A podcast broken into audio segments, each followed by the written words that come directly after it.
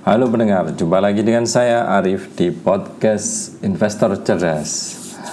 Senang sekali jumpa lagi di podcast kita kali ini. Sebelumnya saya ucapkan selamat Idul Fitri 1440 Hijriah. Mohon maaf lahir dan batin. Eh, bagaimana liburan Anda? Bagi Anda yang liburan ya, uh, mungkin khususnya buat yang muslim barangkali mudik.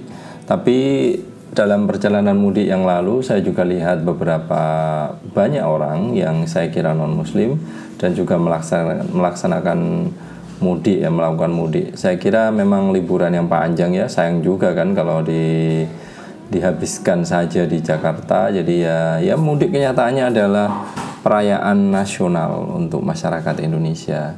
Gimana perjalanan Anda kalau kami, saya melakukan perjalanan dari Jawa Tengah, Salatiga ke arah Jawa Timur. Karena ada tol, perjalanannya cukup singkat, jadi sekitar tiga jam saja. Padahal biasanya bisa dua setengah jam di dalam tolnya. Itu pun tiga jam itu sudah termasuk istirahat, sudah termasuk berhenti untuk buka puasa dan sholat dua kali. Jadi perjalanan sangat lancar ya saya kira ya. Bayangkan kalau dulu tanpa tol kita harus melakukan perjalanan di atas 7 jam bahkan pernah 12 jam kasusnya kayak gitu. Perjalanan balik juga cukup lancar saya kira meskipun ada beberapa titik eh, terutama titik-titik menjelang keluar tol ya. Saya harap semoga liburan Anda menyenangkan dan di minggu ini kita semua mungkin sudah kembali bekerja. Semoga liburan ini bermanfaat untuk menyegarkan pikiran kita semua.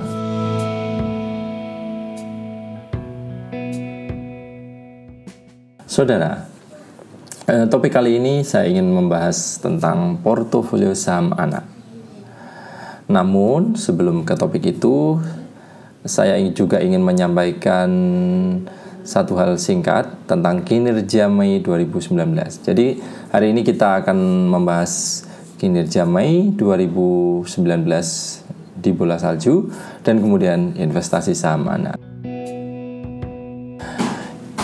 Apakah benar katanya kan bulan Mei ya? Apakah benar pepatah sell in May and go away katanya gitu? Kan banyak banyak kepercayaan di bursa kalau bulan Mei itu musimnya jualan. Makanya bursa berdarah-darah kayak gitu.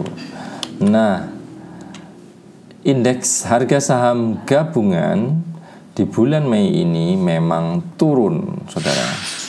Memang turun, main 5,44 persen selama Mei lalu. Kinerja bola salju juga turun, memang. Di bulan Mei ini uh, kami mengalami kinerja turun tipis, main 2,7 persen. Itu mon over mon ya Sementara itu, kalau akumulasi kalau bulan lalu sempat ke angka 22,67 persen, di bulan Mei ini kinerjanya jadinya 19,35 persen. Sebagai pembandingnya, IISG selama periode yang sama dari Juni 2018 sampai Mei kinerjanya tercapai 5,26 persen. Jadi kalau kita compare kinerja ide ini, ini masih ide ya, kinerja ide masih cukup lumayan. Selamat ya buat para pelanggan, semoga mendapatkan manfaatnya. Uh, kinerja portofolio sekarang, kinerja portofolio kami turun tipis selama bulan Mei ini hanya 1,35 persen. Kalau berdasarkan akumulasi kinerjanya 526,67 persen. Nah, dari uh, sekilas melihat sejarah portofolio atau sejarah kinerja selama 50 tahun 5 tahun terakhir uh, khususnya di portofolio saya ya, saya tidak melihat ada kecenderungan di bulan Mei itu selalu turun, tidak ada. Selama lima tahun terakhir hanya pada Mei 2016 saja kinerja portofolio pribadi turun, yang lain enggak. Tapi saya tidak compare dengan ISG ya, saya nggak tahu ya. whatever. Namun dengan dengan data itu apa yang saya alami saya nggak percaya hal itu terjadi. Kenyataannya ada beberapa misalnya contoh saham partikular, saham-saham individu yang yang masih oke, okay, masih masih tidak ada masalah kayak gitu. Oke saudara, sekarang kita ke topik utama tentang portofolio saham anak. Investasi orang tuanya saja belum tentu berhasil kok di saham. Ngapain juga berpikir untuk investasi anak ya? Kenyataannya demikian kan? Mungkin anda eh, banyak dari anda yang yang juga performa portofolionya kurang oke, okay, ya. Bagaimana orang-orang uh, seperti ini yang belum berhasil bisa mengajak investasi untuk anaknya kayak gitu. Nah, saya sendiri terinspirasi dari orang lain yaitu Peter Lynch yang ya fund manager terkenal itu uh, beberapa minggu yang lalu kami uh, sudah pernah membahas tentang bukunya ya One Up on Wall One Up on Wall Street silahkan didengarkan. Nah Peter Lynch ini bercerita di bukunya uh, bahwa beliau itu mengalokasikan sedikit dana untuk anaknya dan membeli saham berdasarkan pilihan anaknya. Nah, saya mau bercerita tentang hal yang serupa yang salah yang saya lakukan uh, untuk anak saya. Nah, ini masih berhubungan dengan tema Lebaran. Nah, barangkali uh, Anda orang yang Muslim yang silaturahmi ke keluarga, entah ke kakek, nenek, atau ke, ke paman atau bibinya anak-anak ya ke saudara-saudara anda ya mungkin kakak atau adik atau atau paman atau bibi yang lain. Nah anak anda yang sudah mulai besar mungkin ada budaya ya di Jawa atau di tempat lain juga saya kira mungkin serupa. Mereka diberi amplop semacam angpau dan konon ada ada kalau di Jawa namanya fitrah itu istri saya menyeletuk fitrah namanya kalau di daerah lain mungkin namanya istilahnya lain. Namun mungkin ada guyonan hingga hingga akhirnya anak-anak itu bisa mengumpulkan uang yang banyak. Sampai ada guyonan barangkali anda juga sempat me melihatnya. Biasanya setelah lebaran itu dompet anak lebih tebal daripada dompet orang tuanya. Ya bener gak oke nah setelah beberapa tahun setelah uh, terkumpul dana yang ya ratusan ribu lah. Jangan ngomong bicara ratusan juta ya. Ya mungkin akhirnya sampai beber, setelah beberapa tahun akhirnya bisa terkumpul cukup banyak. Oke kita ngomong ratusan ribu. Anak-anak itu bisa ter, mengumpulkan dananya. Kan sayang kalau di ditaruh di hanya di tabungan gitu ya. Nah kemudian pada saat anak saya kalau nggak salah 2015 jadi sekitar 9 tahun menjelang 10 tahun gitu ya. Akhirnya anak saya uh, sudah memahami konsep bahwa saham itu gimana bahwa ini adalah semacam memiliki dan kenapa kita lebih baik menabung di saham daripada ya menyimpan di rekeningnya. Karena uh, selain ada potensi dividen yang yang secara uh, apple to apple bunganya sendiri itu bisa mengalahkan uh, bunga deposito kan kayak gitu. Kenyataannya di masa depan potensinya juga cukup besar. Nah uh, kemudian mungkin anda juga pernah membacanya.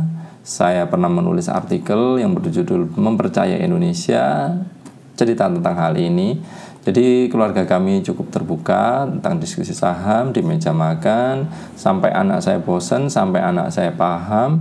Dan kemudian di usia 9 ini saya melobi, saya coba ajak yuk uangmu ditaruh di portofolio sendiri yuk gitu. Nanti nanti rekeningnya atas nama saya di terpisah bisa kita pantau. Nah, barangkali Anda sudah pernah membaca di kinerja bola salju, saya juga mencantumkan kinerja portofolio saham anak ini. Uh, jadi portofolio saham anak, anak saya ini dari dua hingga 2017 akumulasi perolehannya sudah tercapai 101,62 persen. Kalau disetahunkan sekitar 19,16 persen. Hmm, ya, ketika saya pantau hingga Mei ini 2019 kinerja akumulasi saat ini tercapai 108,03 persen.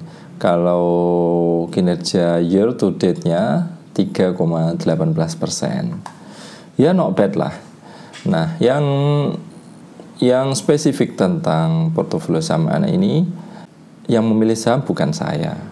Namun saya hanya menyodorkan beberapa perusahaan yang menurut saya oke, okay, perusahaan besar yang baik ya, yang kira-kira anak saya kenal perusahaannya, produknya, jasanya gitu, dan dia memilih sendiri. Saat ini hanya tiga perusahaan. Nah, saya sudah mencoba mempersuasi atau me, menyarankan beberapa perusahaan yang lain namun anak saya tetap tetap teguh terhadap pilihannya dan dan ternyata tidak berubah. Menurut saya nggak ada masalah karena saya percaya perusahaan-perusahaan itu bagus. Di masa yang akan datang uh, saya kira performanya juga akan berimbas ke ke performa saham anak saya. Nah karena anak saya sekarang sekitar 12 masih ada waktu 6 tahun untuk menguji hasil investasi ini hingga dia nanti dewasa lagi dan entah memutuskan mau menggunakan dananya nanti untuk apa silahkan nggak ada masalah gitu. Nah bagi anda yang mungkin bertanya bagaimana pengelolaan investasi anak ini? Pengelolanya mirip pasif mirip investasi berkala. Jadi kalau saya tadi cerita anak mendapatkan dana dari uh, kakek, nenek atau dari paman atau bibi atau saudara yang lain dikumpulkan, dana itu kemudian di store dan dari storean itu saya coba belikan rutin awal bulan hingga dananya habis. Jadi nggak ada metode yang spesifik yang timing atau apa uh, nggak masuk akal. Anda bisa membuktikan sendiri uh, returnnya lumayan loh bayangkan masih bahkan mungkin beberapa fund masih kalah dengan return ini kan gitu ya yang spesifik lagi anak saya memilih sendiri dan dia tidak mau saya pengaruhi. Nah itu adalah cerita singkat saya tentang portofolio saham anak saya ya. Semoga bermanfaat semoga ya barangkali Anda juga terinspirasi silahkan. Namun ternyata memang ya memang saudara kenyataannya untuk melangkah seperti ini misalnya bagi bagi kami saya mendapat inspirasi dari Peter Lynch dan saya juga sudah melaksanakan secara pribadi dan menurut saya juga masalah demokratisasi diskusi dengan anak juga penting. Nah, saya kira sebelum melangkah ke uh, investasi saham untuk anak, ada beberapa hal yang mungkin penting yang harus di disinkronkan, yang harus ditanamkan, yang harus diajarkan. Kalau saya ngomong diajarkan, saya kira agak susah karena untuk mencapai kesepakatan hal ini dan nanti bermanfaat di masa yang akan datang sebenarnya bukan hanya ajar tetapi uh, memberi memberi tauladan gitulah. Jadi anak memahami dari kita, dari diri kita. Nah, sebelum Anda misalkan yang tertarik melakukan seperti ini, saya kira dari sisi orang tua sendiri juga sudah harus selesai dengan masalah finansial. Bukan berarti orang kaya, bukan seperti itu, orang super kaya, bukan seperti itu. Selesai dengan masalah finansial artinya uh, orang ter, orang tuanya sudah bisa memanage uh, keuangan dengan cukup baik, mengelola hutang dengan cukup bijak dan sudah tidak ada masalah gitu loh. Sehingga sehingga anaknya juga udah tahu bahwa cerita ayahnya eh, cerita orang tuanya itu masuk akal. Nah kemudian setelah itu fix setelah sudah selesai setelah bahkan mungkin ya setelah orang tuanya sendiri sudah paham metode investasi yang benar yang bisa menguntungkan yang orang tuanya sendiri yakin setelah itu kita baru melangkah ke, ke anaknya nah, anaknya bagaimana saya kira ada beberapa hal misalnya yang pertama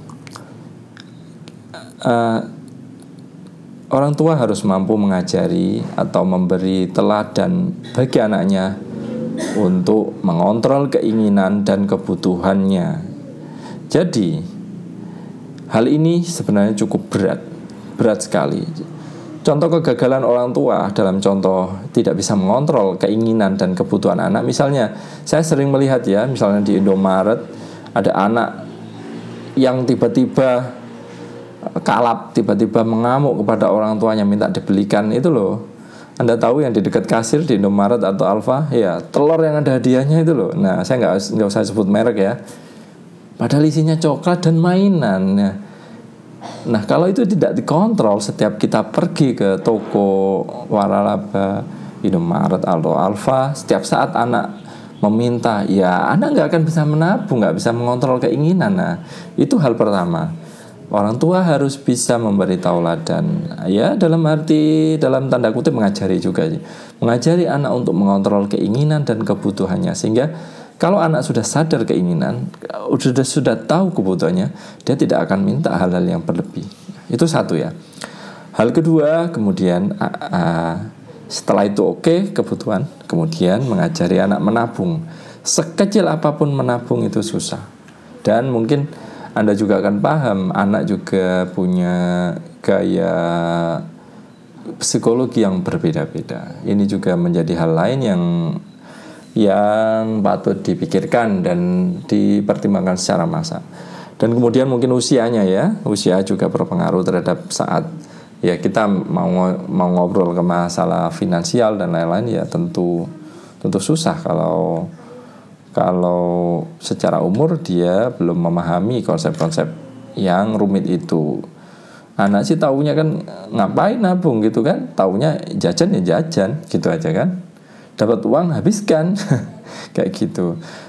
Nah ini melangkah ke uh, hal ketiga yaitu mengajari anak melek finansial. Bahwa di masa depan itu kebutuhan mereka itu banyak dan itu tidak bisa di diperoleh dengan eh, uang-uang uh, yang saat ini. Mungkin keuangannya mungkin nilai uangnya sudah meningkat jauh pesat dan ada hubungannya dengan menabung melek finansial akhirnya akan me, akan memicu uh, kekemandirian finansial anak itu sendiri. Gitu ya. Dan yang terakhir uh, masalah waktu semua itu ada masanya. Semua itu tidak bisa dipaksa tentu saja. Ya contohnya bagi anak lima tahun mungkin ya contoh uh, saya pernah ketika lima tahun saya bilang anak saya lima tahun saya bilang ayo menabung ini. Ya, anak saya yang ini bilang sabar ayah nanti dulu kayak gitu. Ya. Padahal kalau akhirnya bagi anak saya yang belum mengerti yang kedua dananya saya ambil paksa saya tanamkan di saham sendiri. Oke. Uh, saya kira yang lebih menarik adalah keterbukaan dengan anak tentang menyikapi uangnya sehingga ya tentu saja anak kan juga ada kebutuhannya ya ada perlu jajan ada perlu uh, membeli benda-benda yang menjadi impiannya di masa remaja mungkin kayak gitu ya ada kebebasan di satu sisi di sisi lain juga ada kita tanamkan sikap-sikap melek finansial itu. Sehingga harapannya di masa yang akan datang di masa depan ketika ia dewasa ketika ia kuliah ya semoga anak-anak kita bisa bisa mengontrol finansial mereka mengontrol keinginan dan sehingga cukup mandiri untuk sus untuk ya menyokong kehidupan mereka di masa yang akan datang. Saya rasa itu dulu ya, semoga singkat. Jika ada pertanyaan silahkan kirim uh, via formulir kontak di bolasalju.com. Silahkan. Uh, untuk referensi saya akan sertakan uh, link artikel dua artikel yaitu mempercaya Indonesia artikel pertama yang menceritakan tentang portofolio sama anak ini yang terbit pada tahun 2015 yang kedua adalah portofolio sama anak yang mengetrek uh, kinerja saham anak saya sendiri. Silahkan dipantau. Setiap tahun saya update ya kinerjanya ini uh, barangkali bermanfaat untuk orang lain. Oh iya, dan satu lagi, mumpung sekarang masih tanggal 13 uh, ada kuis uh, kuis bola salju, kuis yang berhadiah Indonesia satu tiket untuk menghadiri Indonesia Value Investor Forum 2019. Silakan dilihat di website Bola Salju. Uh, sebenarnya ada dua tiket senilai 1,2 juta, juta untuk menghadiri acara ini. Yang per, satu tiket untuk pelanggan ya sayangnya Anda harus pernah bertransaksi di Bola Salju, pernah membeli sesuatu ya produk atau jasa kami satu tiket untuk follower Instagram. Silahkan dibaca detailnya. Gampang kok caranya, hanya komentar dan tag tiga teman. Boleh kirim sebanyak-banyaknya asal memenuhi tiga syarat ya, yaitu tiga teman dan tag itu tadi. Kuis ini berlangsung hingga 15 Juni 2019 pukul 23.59 jadi 12 malam ya Sabtu malam minggu nanti berakhir. Silakan ikuti jangan sampai ketinggalan ya. Demikian uh, oh ya kenapa saya mengumumkan kuis tadi? Uh, saya sebagai founder Bola Salju diundang di acara menjadi salah satu pembicara di acara Indonesia Value Investor Forum ini. Jadi ya saya senang akan senang jika bisa bertemu dengan Anda di acara ini dan mungkin bagi yang beruntung nanti kita bisa bertemu di sana. Demikian podcast episode kali ini semoga bermanfaat, semoga menginspirasi bagi Anda. Jangan lupa ya follow uh, akun media sosial bolasalju.com.